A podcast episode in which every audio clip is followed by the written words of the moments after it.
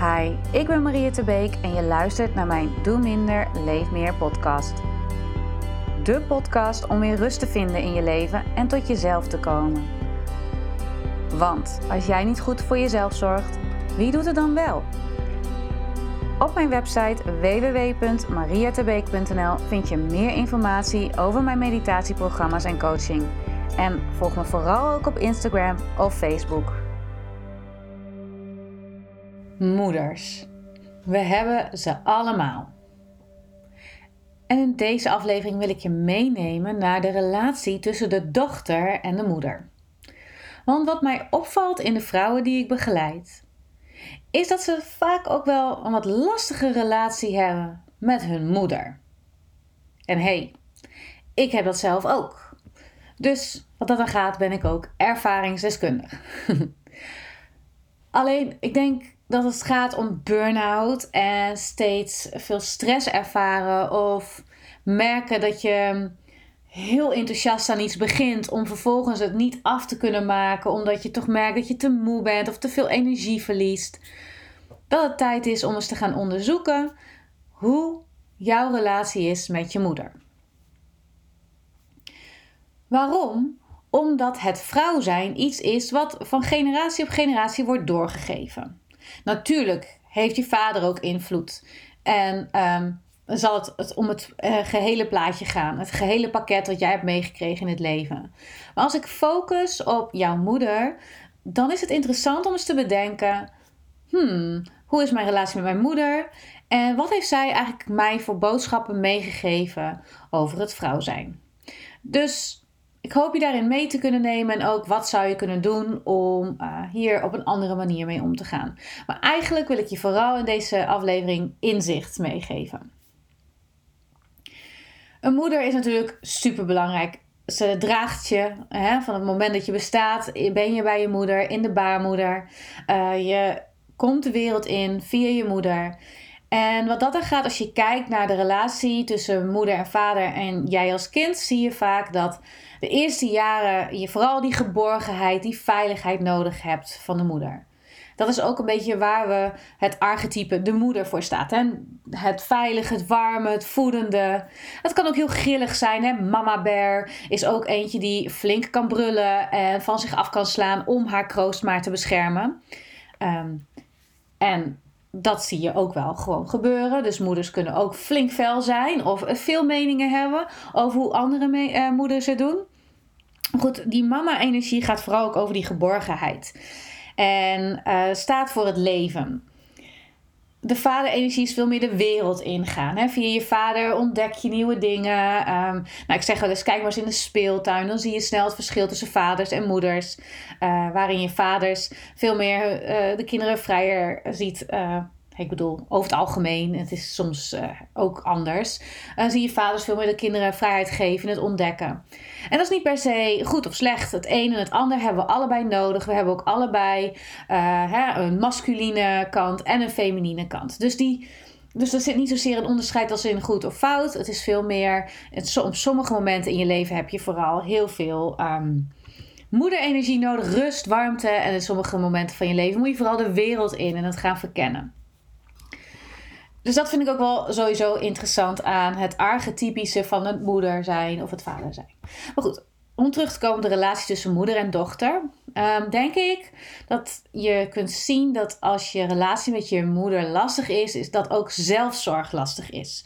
je kunt ontspannen wat je wilt, maar je merkt toch uh, dat hele overgave, uh, tot rust komen. Um, maak je wel mee, maar het is niet iets wat zich doorzet in je hele leven. Het is niet een, een staat van zijn. Dus ben je alsnog hard aan het werk om maar te ontspannen en uh, om maar goed je best te doen om te herstellen van bijvoorbeeld een burn-out. En ik zie ook veel dochters met lastige relaties met hun moeders uh, heel goed zijn in een vak als coach of uh, überhaupt als je met mensen werkt als verzorgende, noem maar op.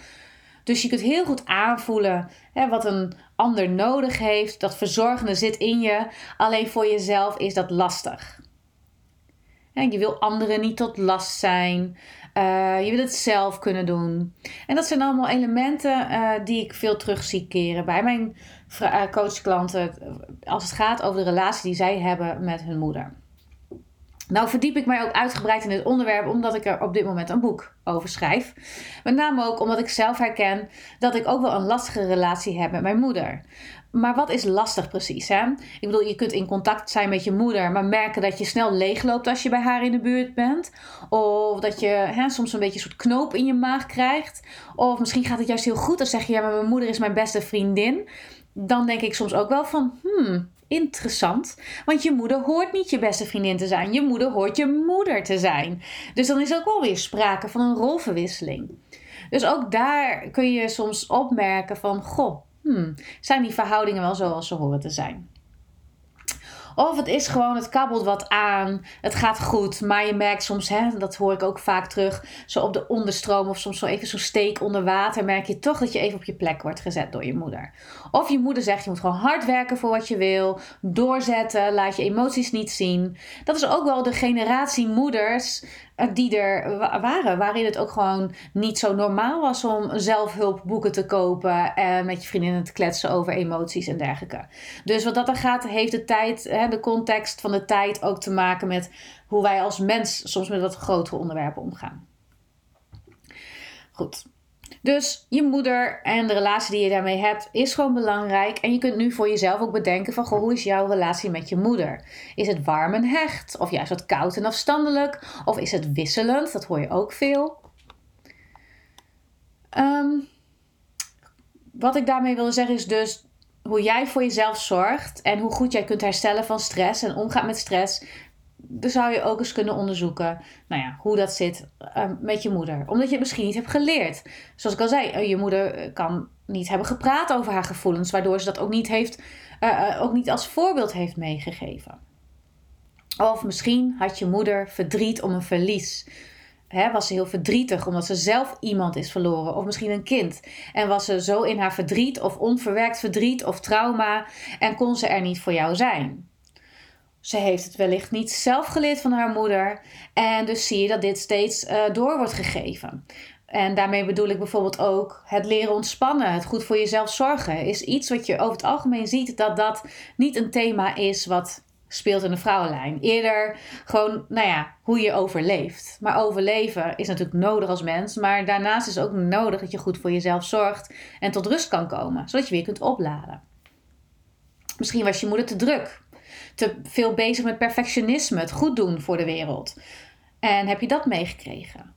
Of ze voelde zichzelf niet geliefd, omdat haar ouders er niet voor haar waren. En ze voelde zich eenzaam. Nou, noem maar op, deze lijst kan natuurlijk nog veel langer. Dan krijg je dus dit voorbeeld niet mee en dat kan dus resulteren in dat je bijvoorbeeld je moeder stiekem verwijt wie ze is. ze heeft jou niet gegeven wat je nodig hebt. Ik zie veel vrouwen, volwassen vrouwen, van bijvoorbeeld al in de 40, die nog steeds heel boos zijn op hun moeder. Omdat ze niet hebben gekregen wat ze nodig hadden als kind. Je kunt je voorstellen, dat is natuurlijk een onwijs energieverlies. Het is logisch maar ik denk wel dat als vrouw tijd is om ook op te staan en te denken: hé, hey, die relatie met mijn moeder, ik wil dat onderzoeken. En ik wil uit slachtofferschap. Ik wil weer in mijn eigen kracht gaan staan, zodat ik de dingen kan gaan doen die ik wil doen. En misschien merk je dat het lastig vindt ook om te gaan stralen. Omdat je moeder dat ook niet deed. Dus dan heb je een soort plafond waar je niet aan voorbij komt. En dat merk je in je leven. Steeds als je denkt, yes, ik ga de goede kant op. Hmm, not so much. En keer je weer terug in een oud patroon veel twijfel, geen keuzes kunnen maken. En dus zelfzorg blijft oppervlakkig. Je gaat naar de sauna, je doet aan je meditaties, maar echt diep ontspannen blijkt lastig. En ontvangen is nou typisch die vrouwelijke kwaliteit van het ontvangen, van het ruimte geven aan ontvangen en het niet weten. En dat zijn lastige dingen voor je dan. Je wil eigenlijk liever het controle en, en, en alles gepland hebben. Terwijl dat het ontvangen en het niet weten natuurlijk prachtig kan zijn om creatieve ideeën te krijgen over wat je te doen hebt in het leven. Ik denk dat als je meer wil ontspannen, en dat is even een beetje de focus die ik nu hier in deze afleveringen uh, pak, dat het belangrijk is om in plaats van dat uit je moeder te halen, dus het, het verwachten dat jouw moeder die rol moet vervullen van verzorging. En ik heb het niet over een letterlijke verwachting. Soms doen we dit onbewust, omdat we dus zelf dat niet altijd echt hebben gevoeld of daar echt op durven te vertrouwen. Verwachten we stiekem soms nog wat, dat we dat alsnog krijgen, ook al zijn we volwassen. Hoe kun jij zelf je innerlijke moeder zijn? En dat is een grote vraag. Ik probeer hem voor jou iets concreter te maken, zodat je misschien er iets mee kunt. Maar hoe kun je ervoor zorgen dat als je ontspant, uh, dat je je verzorgd, veilig en warm kunt voelen? Hoe kun je dat oproepen? Ik denk dat het interessant is om als eerste ook te onderzoeken hè, van wat zijn eigenlijk de boodschappen die ik heb meegekregen uit mijn vrouwenlijn, van mijn moeder? misschien leeft je moeder niet of heb je je moeder helemaal niet gekend. Wat weet je wel? Of wat weet je van de verhalen? En ook van de verhalen uit de vrouwenlijn, met bijvoorbeeld vanuit je oma. En hoe dat is doorgegeven. En anders ga zitten en vraag het en laat maar eens binnenkomen wat er binnenkomt. En vraag je lichaam om advies. Wat, wat, wat voelt waar voor je? Klinkt misschien wat vaag, maar meestal als je gaat zitten en deze vraag stelt, zul je verbaasd zijn wat er soms nog naar boven kan komen.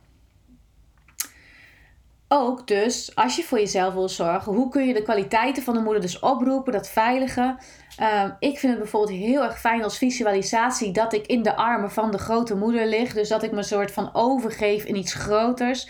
Dat ik echt letterlijk op de grond of het liefst echt op de aarde kan liggen en kan opladen. Voor mij is dat gevoel van overgave erg belangrijk om te ervaren, omdat ik dat ook lastig vind. Maar als ik mij veilig voel en denk hier mag ik zijn, lukt mij dat nu best goed. Uh, maar je innerlijke moeder zijn betekent ook hoe mag ik mezelf troosten, goed voor mezelf zorgen. Als ik verdrietig ben, wat heb ik dan nodig om om, om echt weer tot rust te komen. En je zou ook kunnen bedenken, wat zou een moeder tegen mij nu zeggen? En nou ja, dat helpt mij heel erg om toch contact te maken met een soort nou, liefdevolle moeder. Die niet fysiek aanwezig is, maar wel in mijn gedachten en wel als een soort van warme deken om mij heen valt. En ik denk ook dat het een kwestie is van experimenteren. Ontdek wat voor uh, oefeningen helpen voor jou. Wat jou helpt om echt te rusten. Uh, ik vind Yoga Nidra echt te gek. Je kunt op mijn website www.mariatebeek.nl slash meditatie ook Yoga Nidra's vinden. Ook met thema's zoals in uh, zelfliefde of vrouw zijn. Um, dus dat zou je kunnen doen. Maar je zou ook misschien in gesprek kunnen gaan met je moeder. En eens even vragen. Um, dus dat onderzoeken gaat niet alleen over praktisch een opdracht doen en een praktische meditatie doen, maar ook echt onderzoeken wat werkt wel en wat werkt niet. Natuurlijk, want dat laatste kan ook. Misschien wil je wel coaching op, uh, meer ontdekken over je vrouwenlijn. Uh, er zijn tegenwoordig best wel mooie workshops te vinden. Kortom, het is een onderzoek waard om je innerlijke moeder te vergroten. En het niet meer steeds uit je eigen moeder te hoeven halen. Want dan mag je haar namelijk loslaten. Dan kun je in contact staan als dochter van je moeder en hoef je al je verwachtingen en dergelijke niet steeds mee te nemen in dat contact.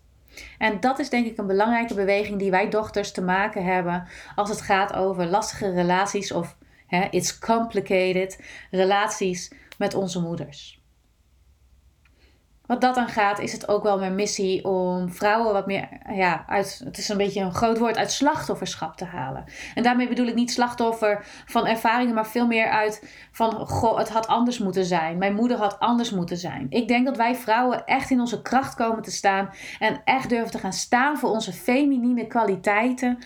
Als we deze relatie durven te omarmen zoals die is en het te nemen zoals die is. Tot slot, welk inzicht neem jij mee uit deze aflevering? ga eens na, wat resoneert voor jou het meest? Of misschien wat het minst en waarom? En schrijf het in je journal en laat het het maar eens gebeuren. Kijk maar welke woorden er komen als jij gaat schrijven over de relatie tussen jou en je moeder. Wie weet vertel je je eigen, hè, zeg je eigen antwoorden al door het in de flow te schrijven, noemen we dat. Dus laat de woorden stromen. Ga niet censureren. Durf gewoon te schrijven over de relatie tussen jou en je moeder. Die wil ik je meegeven. Uiteraard kun je ook bij mij terecht als je dieper in wil gaan op dit thema. Uh, mijn coachingstrajecten uh, gaan hier voornamelijk over. Over hoe je meer in je vrouwelijke kracht kunt komen te staan. En daarmee bedoel ik eigenlijk uh, dat je de vrouwelijke energie, de feminine energie, meer ruimte kunt geven. Dat van het ontvangen, het niet weten, het stromende. zodat je niet de hele tijd in je hoofd leeft en alleen maar naar controle schiet. En een onderdeel daarvan is zeker de relatie met je moeder ontdekken.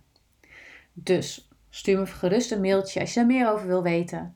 info En heb je vragen, wil je dingen delen of deze podcast delen? Maak dan een screenshot en stuur me een berichtje via Instagram apenstaatje Maria underscore Terbeek.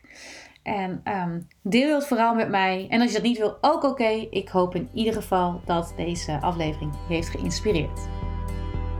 Yes, je hebt deze podcast helemaal tot het einde geluisterd. Ik hoop dat het je inspiratie heeft gegeven om een leven te leiden waarin jij voelt wat je echt nodig hebt. Wil je meer weten? Heb je vragen? Stuur me gerust een berichtje. Kijk op www.mariettebeek.nl of volg me op Facebook of Instagram